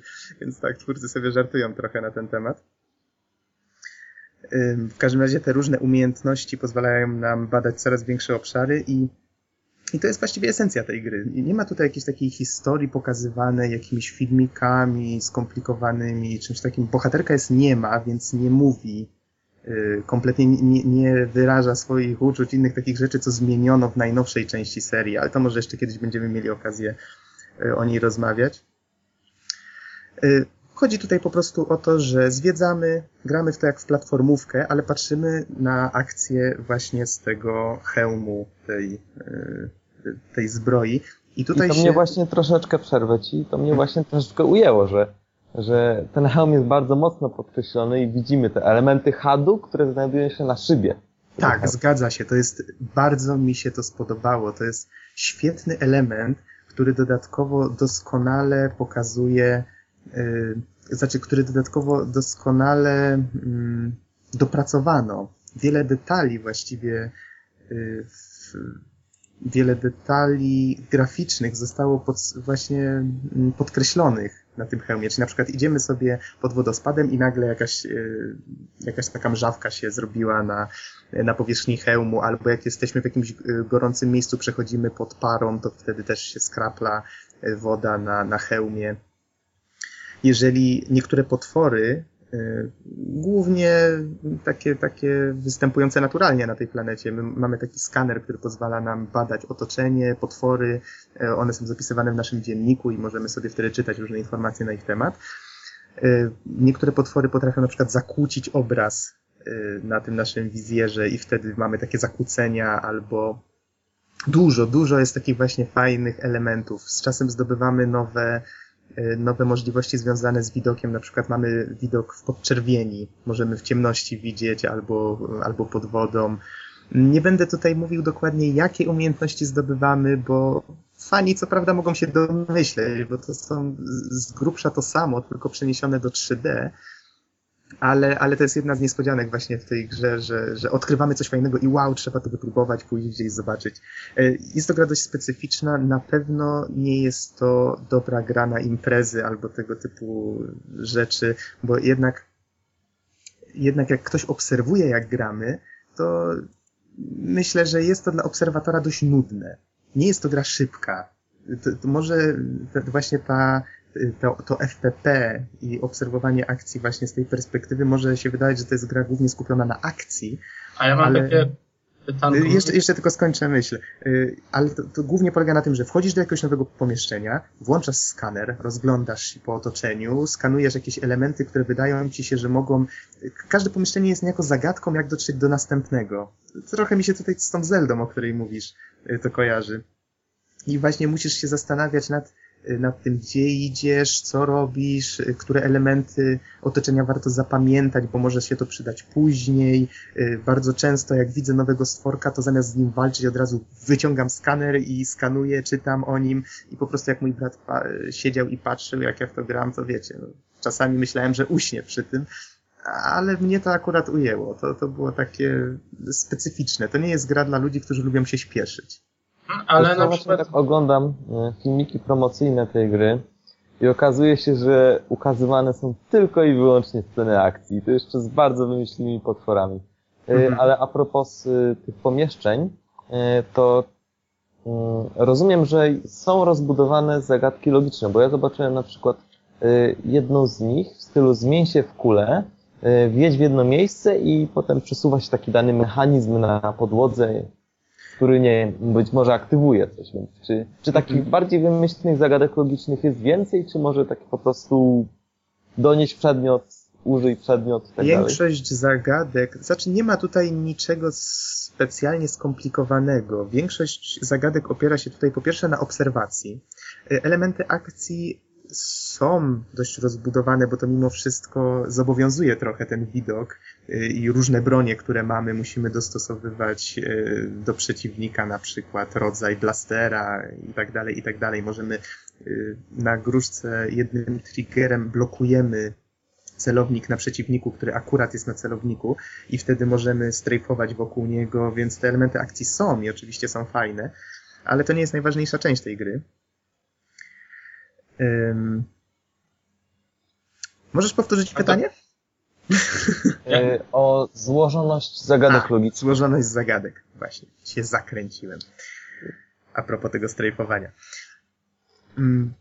Każdym razie zagadki nie są jakoś szczególnie złożone. Większość z nich polega na obserwacji, czyli obserwujesz jakieś elementy, skanujesz na przykład różne powierzchnie i wiesz, że dany element da się, jest wykonany z jakiegoś konkretnego materiału. Sprawdzasz sobie w dzienniku, że na przykład dany materiał możesz zniszczyć bombą, którą stawiasz jak jesteś w kulce, albo możesz go potraktować rakietą i on wtedy wybuchnie wtedy kombinujesz dalej, co jest pod tym materiałem. Na przykład może się okazać, że jest tam y, jakiś włącznik, który wymaga potraktowania ciepłem. Wtedy musisz mieć a właściwie energią. Wtedy musisz mieć na przykład blaster energetyczny, który y, sprawi, że aktywuje ten przycisk, on dotrze, on tą energię przekaże do jakichś drzwi, które się otworzą i tak dalej, i tak dalej. To jest taki Czyli rozumiem, że gra to jest takie wyzwanie dosyć dla gracza i trzeba troszeczkę nad tym pomyśleć, posiedzieć, zastanowić się. Um, tak i nie bo w sumie nie jest to jakieś takie wyzwanie e, szczególnie trudne, ale jest satysfakcjonujące. Gra się w to fajnie. Najważniejsze jest to, żeby się domyśleć, gdzie trzeba w danej, w następnej kolejności iść. Zdobywasz na przykład jakąś umiejętność, na przykład tą zamianę w kulkę, już trzymajmy się tego, i musisz sobie przypomnieć nagle wszystkie miejsca, w których była jakaś e, szczelina, w, w której normalnie nie możesz się zmieścić. I zazwyczaj obserwujesz mapę, system mapy został bardzo fajnie zrobiony, obserwujesz ją sobie całą w 3D, możesz pod każdym kątem oglądać i tak dalej, i tak i, i spróbujesz sobie przypomnieć, gdzie, je, gdzie mogłeś takie miejsce widzieć ostatnio. Bar ta gra cała się opiera na backtrackingu, ale to jest najlepszy backtracking, jaki kiedykolwiek y, można w grze zobaczyć praktycznie. Bo jak się cofasz do poprzednich miejsc, to zazwyczaj zawsze znajdziesz coś, czego wcześniej nie znalazłeś, jeżeli masz jakąś nową umiejętność, że o, na przykład tutaj wcześniej nie pamiętałem, że tutaj to jest, wykorzystam to i znalazłeś na przykład jakieś, jakieś ulepszenie do rakiet, czyli że możesz 5 rakiet więcej trzymać, y, albo 100 razy, 100 więcej energii możesz mieć. Takie ulepszenia właśnie tej zbroi zdobywasz. Y, licznik przedmiotów jest, to jest też taka tradycja w serii, że jest licznik procentowy przedmiotów, które zdobyłeś i mówiłem, że to jest gra dla osób, które nie lubią się śpieszyć, ale tylko przy pierwszym przejściu, bo y, tradycja Metroida, jak już mówiłem od pierwszej części, zobowiązuje do tego, żeby spróbować zrobić coś w rodzaju speedruna i spróbować jak najkrótszym czasie przejść tą grę, zdobywając jak największy procent przedmiotów. Y, zazwyczaj jest to w jakiś sposób nagradzane, na przykład na ekranie finalnym jakaś, jakiś obrazek jest inny pokazywany, przyjęło się już właśnie, tak jak mówiłem od pierwszej części, że znikają kolejne części tej zbroi, którą Samus ma na sobie. Nie, nie, bez powodu, nie bez powodu właśnie, słuchajcie, przecież to jest, y, jak to niektórzy mówią, y, najbardziej związana z seksem gra Nintendo. Choć ona tak naprawdę z seksem to ma niewiele wspólnego, poza tym, że, że kierujemy tutaj kobietą i to całkiem ładną, ale... Ale zakutą ciężką zbroję. Zakutą w ciężką zbroję, którą jeżeli ukończysz grę w odpowiednich warunkach, to może się pojawić Samus w tak zwanym Zero Suit Samus, czyli w, w odzieży wierzchniej, jak to się mówi, bez tego swojego kombinezonu. I to w sumie taka ciekawostka, która stała się już tradycją. Ja podejrzewam, że na YouTubie już są stawki tego typu. Oczywiście, wszystkie te filmiki, wiesz, możesz sobie obejrzeć. Tylko, że no co to za satysfakcja, prawda? Jak no, samemu nie tak. spróbujesz ukończyć gry właśnie w danych warunkach. To... To jest, to, to jest właśnie wyzwanie, tylko z wyzwaniem, wyzwaniem nie jest tu kompletnie walka. Ja żałowałem w pewnym momencie, że nastawiłem na normal, mając do wyboru jeszcze weteran, bo okazało się bardzo szybko, że jako osoba, która lubiła wracać do różnych miejsc i szukać znajdziek, ulepszać sobie tą energię, rakiety i tak dalej, w pewnym momencie stałem się praktycznie niezniszczalny. Nawet bossowie, którzy są strasznie fajni, i pod koniec już naprawdę ciężcy byli, yy, właściwie zginąłem w tej grze tylko raz. I to przez własną głupotę gdzieś tam na początku, bo... Podczas ataku sięgałeś po kanapkę pewnie. Być może, być może. Wtedy miałem jeszcze chyba tylko jeden kontener energii, miałem jej bardzo mało i chyba nie oszczędzałem jej za mocno. W pewnym momencie chyba pierwszy boss mnie wykończył. Jeszcze taki, który uczy obsługi radaru. No nie zwróciłem uwagi zupełnie na to, że w górnym lewym rogu jest radar i że mogę przewidzieć, z której strony mnie coś zaatakuje. I to tak naprawdę było moim, było moim gwoździem do trumny. Y, więc ekran Game Over widziałem tylko raz. Teraz jak zacząłem grać w dwójkę, to już zacząłem od razu na weteranie. Y, chociaż jako ciekawostkę dodam, że jest jeszcze wyższy poziom trudności, który się odblokowuje przechodząc grę to może niektórych zainteresować. Jeszcze nie Właśnie, wiem. A, a bossowie są tak samo, jak rozumiem, kombinowani, a nie to, tak, to nie, to nie jest tak, że, że masz bossa i nawalaj w niego czym popadnie. Zawsze musisz kombinować. Przeciwnicy tak samo. Masz różne rodzaje blasterów, które zdobywasz z czasem. Na przykład lodowy albo plazmę. I właściwie musisz obserwować albo wiedzieć, y, jak dany przeciwnik reaguje na dany rodzaj. Możesz go na przykład zamrozić i rozbić rakietą. Tylko, że właśnie jak mówię, pod koniec, mając już tak odporną postać, ja po prostu leciałem przed siebie i ignorowałem wszystko, co się ruszało. Mówiłem, że to jest gra dla ludzi cierpliwych, ale już pod koniec po prostu leciałem, tylko wiedząc, że a, muszę się znaleźć tam. Tu nie ma teleportów. Są tylko windy łączące poszczególne E, rejony i musisz znać drogę do miejsca, do którego chcesz się udać i po prostu tam iść. I w pewnym momencie już leciałem przed siebie, bo po prostu znałem tą drogę niemal na pamięć. I to można uznać za wadę, ale tak trochę na, na wyrost. Zależy co kto lubi. Więc to może, nie wiem, macie jeszcze jakieś pytania? A, a ja mam pytanie o multi, tak. bo mówiłeś, że właśnie gra jest wolna, a wcześniej chciałem zadać to pytanie, czy, czy grałeś mm. sobie w multi? No bo na przykład na DS-ie, jak był ten Metroid, to tam multi chyba było dość dynamiczne z tego co pamiętam. Z Metroidem jest taka kwestia, z Metroid Prime właściwie. W tym zestawie Trilogy jest moduł multiplayer. On został, on był częścią dwójki Echoes. Nie grałem w niego jeszcze, więc nie wiem dokładnie jak działa.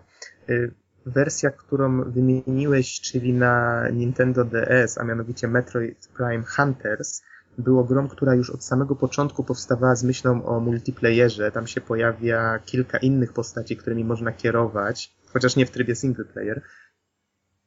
I to faktycznie Metroid Prime Hunters był pierwszym trójwymiarowym Metroidem, jakiego skończyłem. Jego konstrukcja jest bardzo podobna właśnie do, y, do Metroid Prime.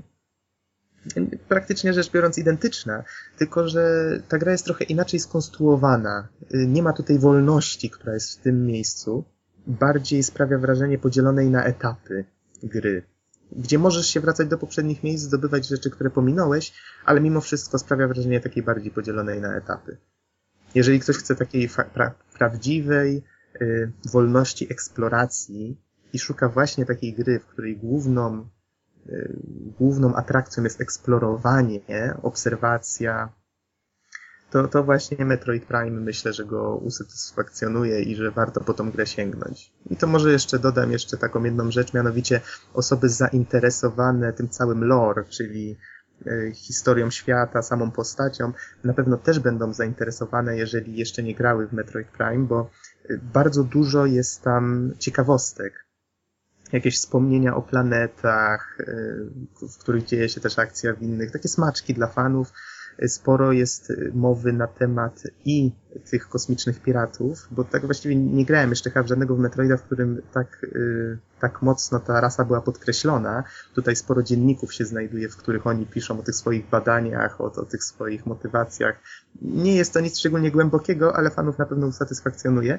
I sporo jest też na temat y, Chozo, takiej rasy która opiekowała się Samus, jak była dzieckiem i to niejako od nich się cała ta zbroja wywodzi i o nich też się można sporo właśnie w tej części dowiedzieć. Więc to na pewno i fani będą usatysfakcjonowani i gracze, którzy jeszcze z Metroidem nie mieli mm, nic wspólnego do tej pory. Na pewno warto sięgnąć. I myślę, że jeszcze do Metroida wrócimy, bo ja oczywiście tutaj mam jeszcze dwójkę do przejścia i trójkę. A ja mam za to, nadzieję, że... to, to następną część. Więcej. Mm, poczekajcie, nie wszyscy naraz, Norbert że ja mam do przejścia tą następną część. Aha, czyli tą, która już była robiona przez y, Ninja Team, tak? Team Ninja. Chyba tak, nie pamiętam niestety podtytułu teraz, ale y, Metroid, Metroid Other M. O, dokładnie. I to jest najnowszy Metroid, w którym zmieniono zupełnie podejście twórcy Ninja Gaiden stwierdzili, że wykorzystają trochę bardziej fabularny potencjał serii. Tutaj już Samus ma głos, bardzo dużo z niego korzysta, ponoć strasznie dużo monologów tam jest i no cóż, fani różnie podeszli do tej gry. Sam jestem ciekaw, jak to wyszło, ale najpierw ukończę serię Prime. Pod serię Prime, mimo wszystko. Dobrze, panowie, tak. chyba starczy na dzisiaj. Chyba, że ja macie bym jeszcze... jeszcze jedno takie pytanko zadał i tutaj jakby takie Nintendo podsumowanie, tak? A mianowicie, czy w przeciągu pięciu lat, powiedzmy, grałeś w jakiś, w jakiś podobny tytuł na PlayStation, e, PC czy Xboxie, czy jakiejkolwiek innej platformie nie od Nintendo? Mówisz tutaj o Metroid Prime, tak? Tak. Wow, to mnie zaskoczyłeś tym pytaniem. Hmm. Bo tak słuchając, to właśnie wiesz, Metroid jest po trochę podobny do Zeldy, też sporo zagadek logicznych, też mhm. nowe przedmioty, tutaj nie ma tego wracania do, do starych tych, zupełnie inny klimat z tego, co opowiadasz, ale to jest właśnie chyba ten ponadczasowy gameplay, coś, czego nie ma jednak na innych platformach, gdyż tam ten przemysł rozrywki idzie w zupełnie innym kierunku. I, mhm. i chyba to jest właśnie ta unikalność Nintendo, o której się czasem mówi. Y, tak, tak, to, to jest właśnie, tak jak mówisz, y, Metroid, on mimo, że ma tą fabułę, ma ten lore i tak dalej, to wszystko nadal jest rządzone gameplayem. I tu zawsze gameplay jest stawiany na pierwszym miejscu. I to jest właśnie w tej, w tej grze, przynajmniej w Metroid Prime i w serii, w tych częściach serii, które znam, to jest y, faktycznie zauważalne, ale Nintendo jest z tego znane. I myślę, że za to im chwała. A odpowiadając na twoje pytanie, Ciężko mi coś w tej chwili wychwycić w, ciągu ostatnich pięciu lat. No na pewno, y, tak jak mówiłem, Castlevania w pewnym momencie zaczęły mm, czerpać dość dużo z Metroida, z tej jego konstrukcji właśnie miejsca, umiejętności, backtracking i tak dalej. Ale tam E, chyba... o właśnie, więc y, Castlevania Order of Ecclesia, ona wyszła w przeciągu ostatnich pięciu lat. ale więc to- gra- To jest też na DS-a, tak? Tak, to jest też na DS-a. No, a mówię, Przychodzi mi platforma- na myśl... A mówię platforma nie Nintendo. Chodzi mi jakby Aha, o podkreślenie tego, że, że to jest jakby taka domena ty, tych, tej magii Nintendo, o któ- której Mhm. mowa. Przynajmniej ja mam takie wrażenie. Mógłbym jeszcze wymienić Cave Story, ale ono wyszło na, na PC najpierw jako freeware, a teraz też można na WiiWare je dostać, więc... Więc Bo się ta- trochę nie liczy. Ta nowa Castlevania ma już inny gameplay chyba, ale nie no, Tak. Castlevania zawsze miała platformówkę, gdzie idziesz do przodu i nie wracasz, i nie wracasz się wstecz. No teraz trochę No, bardziej na zawsze. walce jest oparta. Niektórzy mówią, że do godo, na God of Warze się bardziej teraz wzorowała. No nie do końca się z tym go- zgodzę, ale, ale tak, tak, można tak powiedzieć dla ułatwienia. Mhm. Więc ta seria idzie teraz w troszeczkę innym kierunku znowu. No ale co, co tu, czego by oczekiwać po serii, tak samo jak Metroid, która ma już ile to lat? Coś pewnie jak Mario, coś około 25, 24. No właśnie, bo teraz te serie obchodzą Prawda. 25-lecia i w ogóle. O rany, A właśnie, ale- tak, tak a propos e, Mhm. 25-lecia Zeldy, coś czego wcześniej nie powiedzieliśmy, to są już informacje o serii koncertów na stronie www.zelda-symphony.com. E, Na razie jest chyba tylko jeden koncert w Los Angeles przedstawiony, ale jakieś koncerty w Europie też mają być. Ja po cichu liczę, że gdzieś w Polsce się jednak coś uda zorganizować. Czyli na razie nic pewnego, że w Polsce będzie. E, Przynajmniej ja nie znalazłem jeszcze takiej informacji, ale ta strona chyba dopiero dzisiaj ruszyła, bo rano jeszcze sprawdzałem, wymagała jakiejś podania nazwy użytkownika i hasła, a Mhm. dopiero wieczorkiem mogłem zajrzeć, zajrzeć na nią i zobaczyć tę informację o koncercie w Los Angeles. Tak, próbkę mieliśmy możliwości mm, tego pomysłu już na E3, gdzie faktycznie zaproszono orkiestrę i zagrali wstęp. Ale tam byli jakoś tak skoncentrowani bardzo. Ciekawe jak to będzie brzmieć, kiedy będą mieli więcej miejsca. Mhm. No i przede wszystkim nie wiadomo jak tam z nagłośnieniem było w tej sali. Mhm. No, ale Zresztą my to takie- żeśmy widzieli tylko na streamingu, prawda? To zupełnie nie to samo. No i to taki już trochę off-top, to może jednak Tym optymistycznym akcentem? tak. Dobrze, w takim razie tym optymistycznym akcentem dziękujemy Wam za słuchanie i zapraszamy Was do następnego podcastu. Trzymajcie się. Do usłyszenia. Na razie.